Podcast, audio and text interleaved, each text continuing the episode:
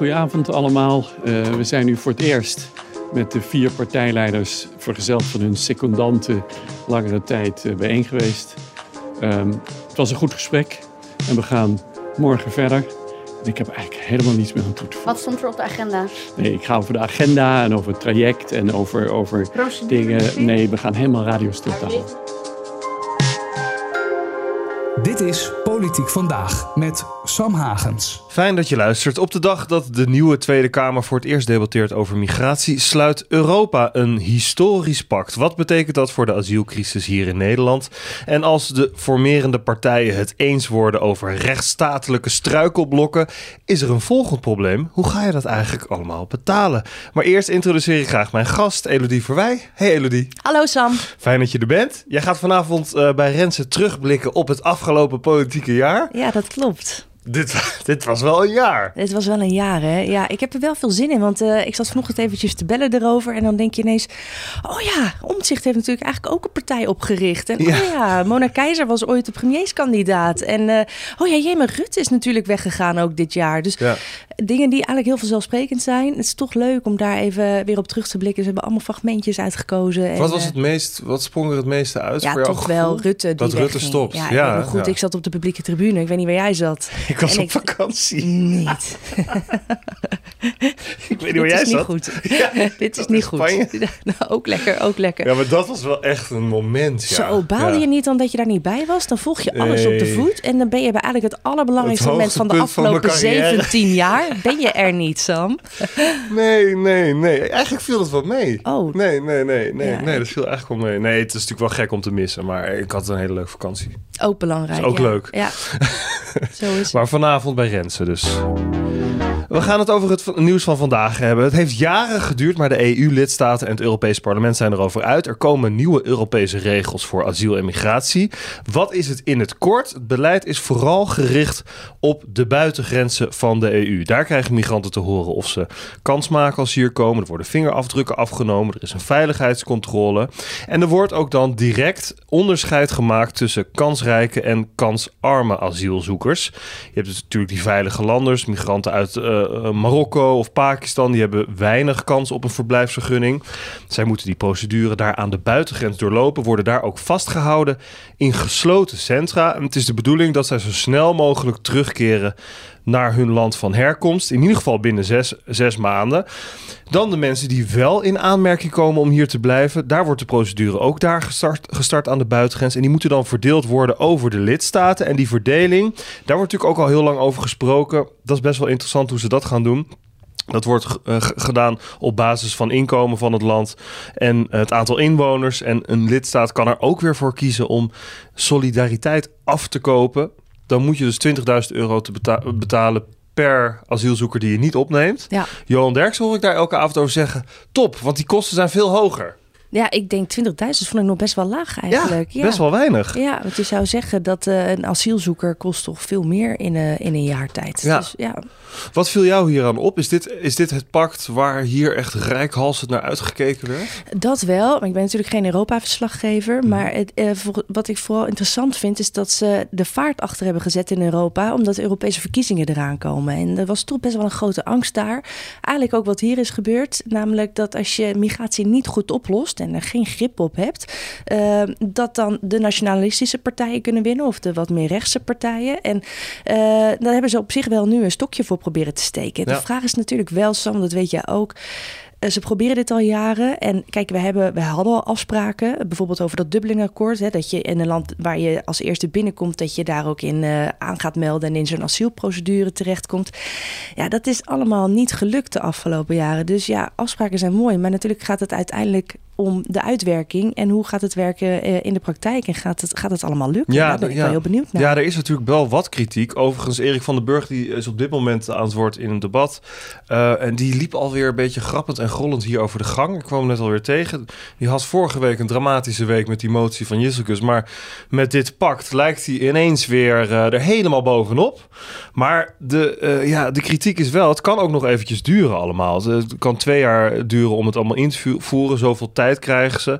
Het zal uh, ja, in de toekomst mensen ook afschrikken. Maar mensensmokkel houdt het niet tegen. En het, het valt of staat echt met het terugsturen van die afgewezen asielzoekers. Gaat het wel lukken? Want er is helemaal geen afspraak gemaakt met de Nee. landen van herkomst. Nou ja, en dat moet denk ik nog gebeuren. En natuurlijk zagen we Jezoekus gisteren of eergisteren al eh, in Marokko zitten. En daar is natuurlijk zijn wel zijn ook afspraken meegemaakt. Maar ja, weet je, jij weet ook, het is allemaal nog niet genoeg. Nee. En uiteindelijk eh, moet dat echt geregeld worden. En ik ben heel benieuwd. En ook, hè, dat heeft natuurlijk ook impact op de formatie hier.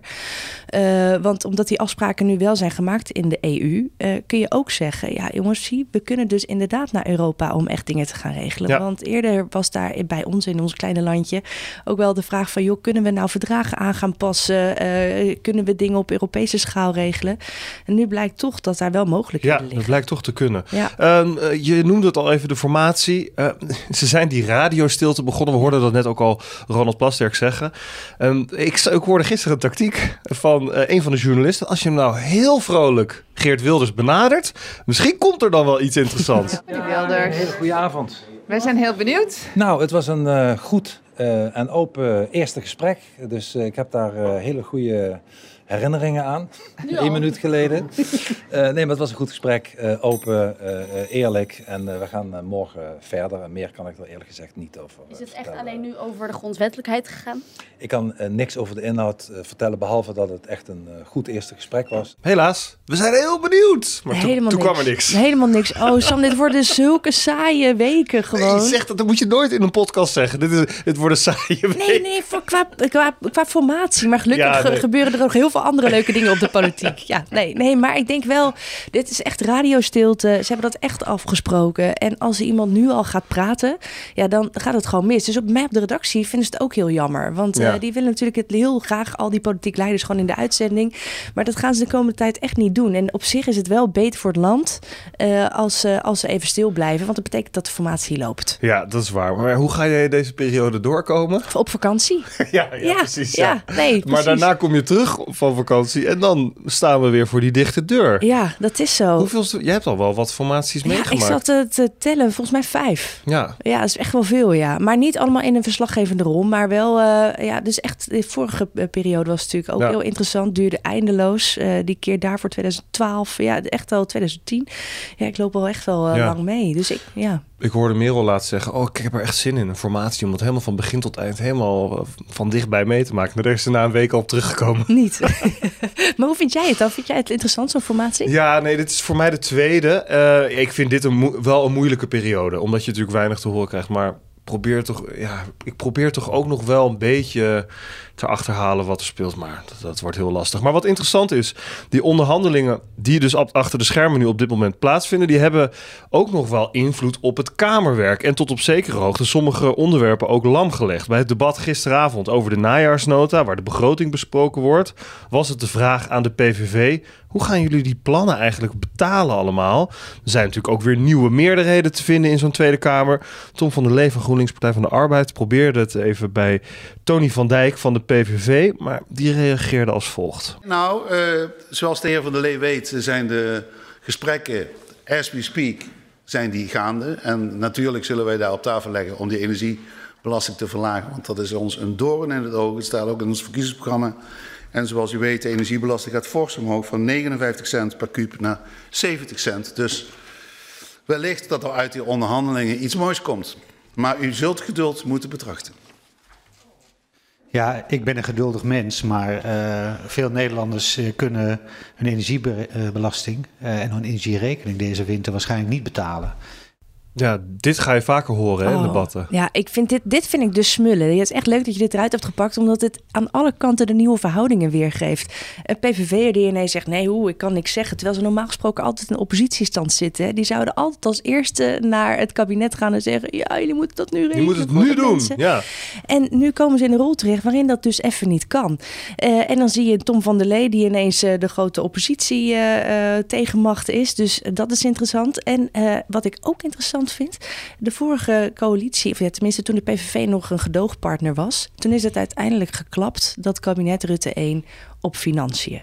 Dus ik ben heel erg benieuwd naar de komende de onderhandelingen hoe ze eruit gaan komen. Want hier, dit gaat over de energie. Vorige week is er al een motie in de Kamer aangenomen over het eigen risico. Dat willen ze afschaffen. Maar dat kost, hou je hart vast, 6 miljard per jaar. Ja. Dat is echt onwijs veel. geld. Dus ja, ik snap dat de PVV heel veel wil. En BBB trouwens ook. Maar ja, je moet nu wel met de VVD... en moet je eh, die eh, echt wel op, het, op de portemonnee zitten. Dan moet je gaan onderhandelen. Ja, want daar zit wel echt een verschil hè? tussen de PVV en de VVD. Ze hebben het nu natuurlijk over die rechtsstatelijke onderwerpen... en hoe, hoe ze daar met elkaar uit gaan komen. Maar over dat financiële plaatje, ja. gaat, dat gaat echt lastig worden tussen die twee partijen. Ja, dat denk ik ook. Ja, zeker. Kijk, je hebt uh, twee secundanten bij de VVD. Je hebt Sophie Hermans, die kennen we allemaal met de krulletjes. Mhm. En je hebt ook Ilko Heijnen. En Ilko Heijnen is het financiële brein van de fractie. En die gaat af en toe ook aanschuiven. Dat is natuurlijk wel een signaal dat je echt een financieel iemand ook mee gaat nemen op momenten dat het moet. Dus uh, ja, ik ben daar echt heel benieuwd naar. Want uh, DNB, de Nederlandse Bank, heeft vorige week ook een bericht naar buiten gebracht dat eigenlijk het geld op is. En dat als we nu niet de broekriem aantrekken. En dat betekent dus of bezuinigen of de lasten gaan verhogen. Ja. Dan komen we boven het begrotingstekort uit van 3%. En dat is allemaal heel slecht nieuws. En de VVD wil natuurlijk wel gewoon binnen die uh, nou ja, afspraken blijven die we met elkaar hebben gemaakt, ook in de EU. Dus dit wordt misschien nog wel een groter punt dan uh, afspraken maken over migratie en die rechtsstatelijkheden. Ja. Uh, we horen het wanneer het. Ja, we horen eigenlijk alleen wat als het helemaal misgaat. Hè? Ja, klopt. Tijd. Ja, ja. dus ik ben dan wel benieuwd ook hoe we dat dan horen. Krijgen we dan Pieter omzicht aan de lijn? Of waar gaat het dan klappen? Uh, krijgen we dat dan te horen als we weer uren staan te wachten eh, bij die poortjes, weet je wel? Ja. Dus uh, dat is, maar ik denk voor de kerst gaat het niet klappen. Nee? Nee, dat, dat is een voorspelling. Ik schrijf hem even op. Oké. Voor de kerst gaat het niet klappen. Nee, dat denk ik. Ik denk niet dat het deze week al gaat klappen. Je moet wel even laten zien met elkaar dat je, dat je echt je best doet. Ja, ja nee, het lijkt me, dat lijkt me ook wel realistisch. Toch? Ja, ja, ja. ja. Um, we gaan het volgen. Dank je wel weer dat je er was. Heb jij het gevoel dat veel mensen in dit Kamergebouw toe zijn aan vakantie? Ja. en dan bedoel je niet alleen jezelf. Jij ook, zie ik. Ja, dankjewel. Elodie Verwij van RTL. Vanavond dus ook uh, een terugblik op het politieke jaar. Dat wordt natuurlijk hartstikke interessant. Dit was hem weer Politiek Vandaag voor vandaag. Bedankt voor het luisteren. Morgen zijn we er weer en dan ben ik hier met Merel Eck. Tot dan.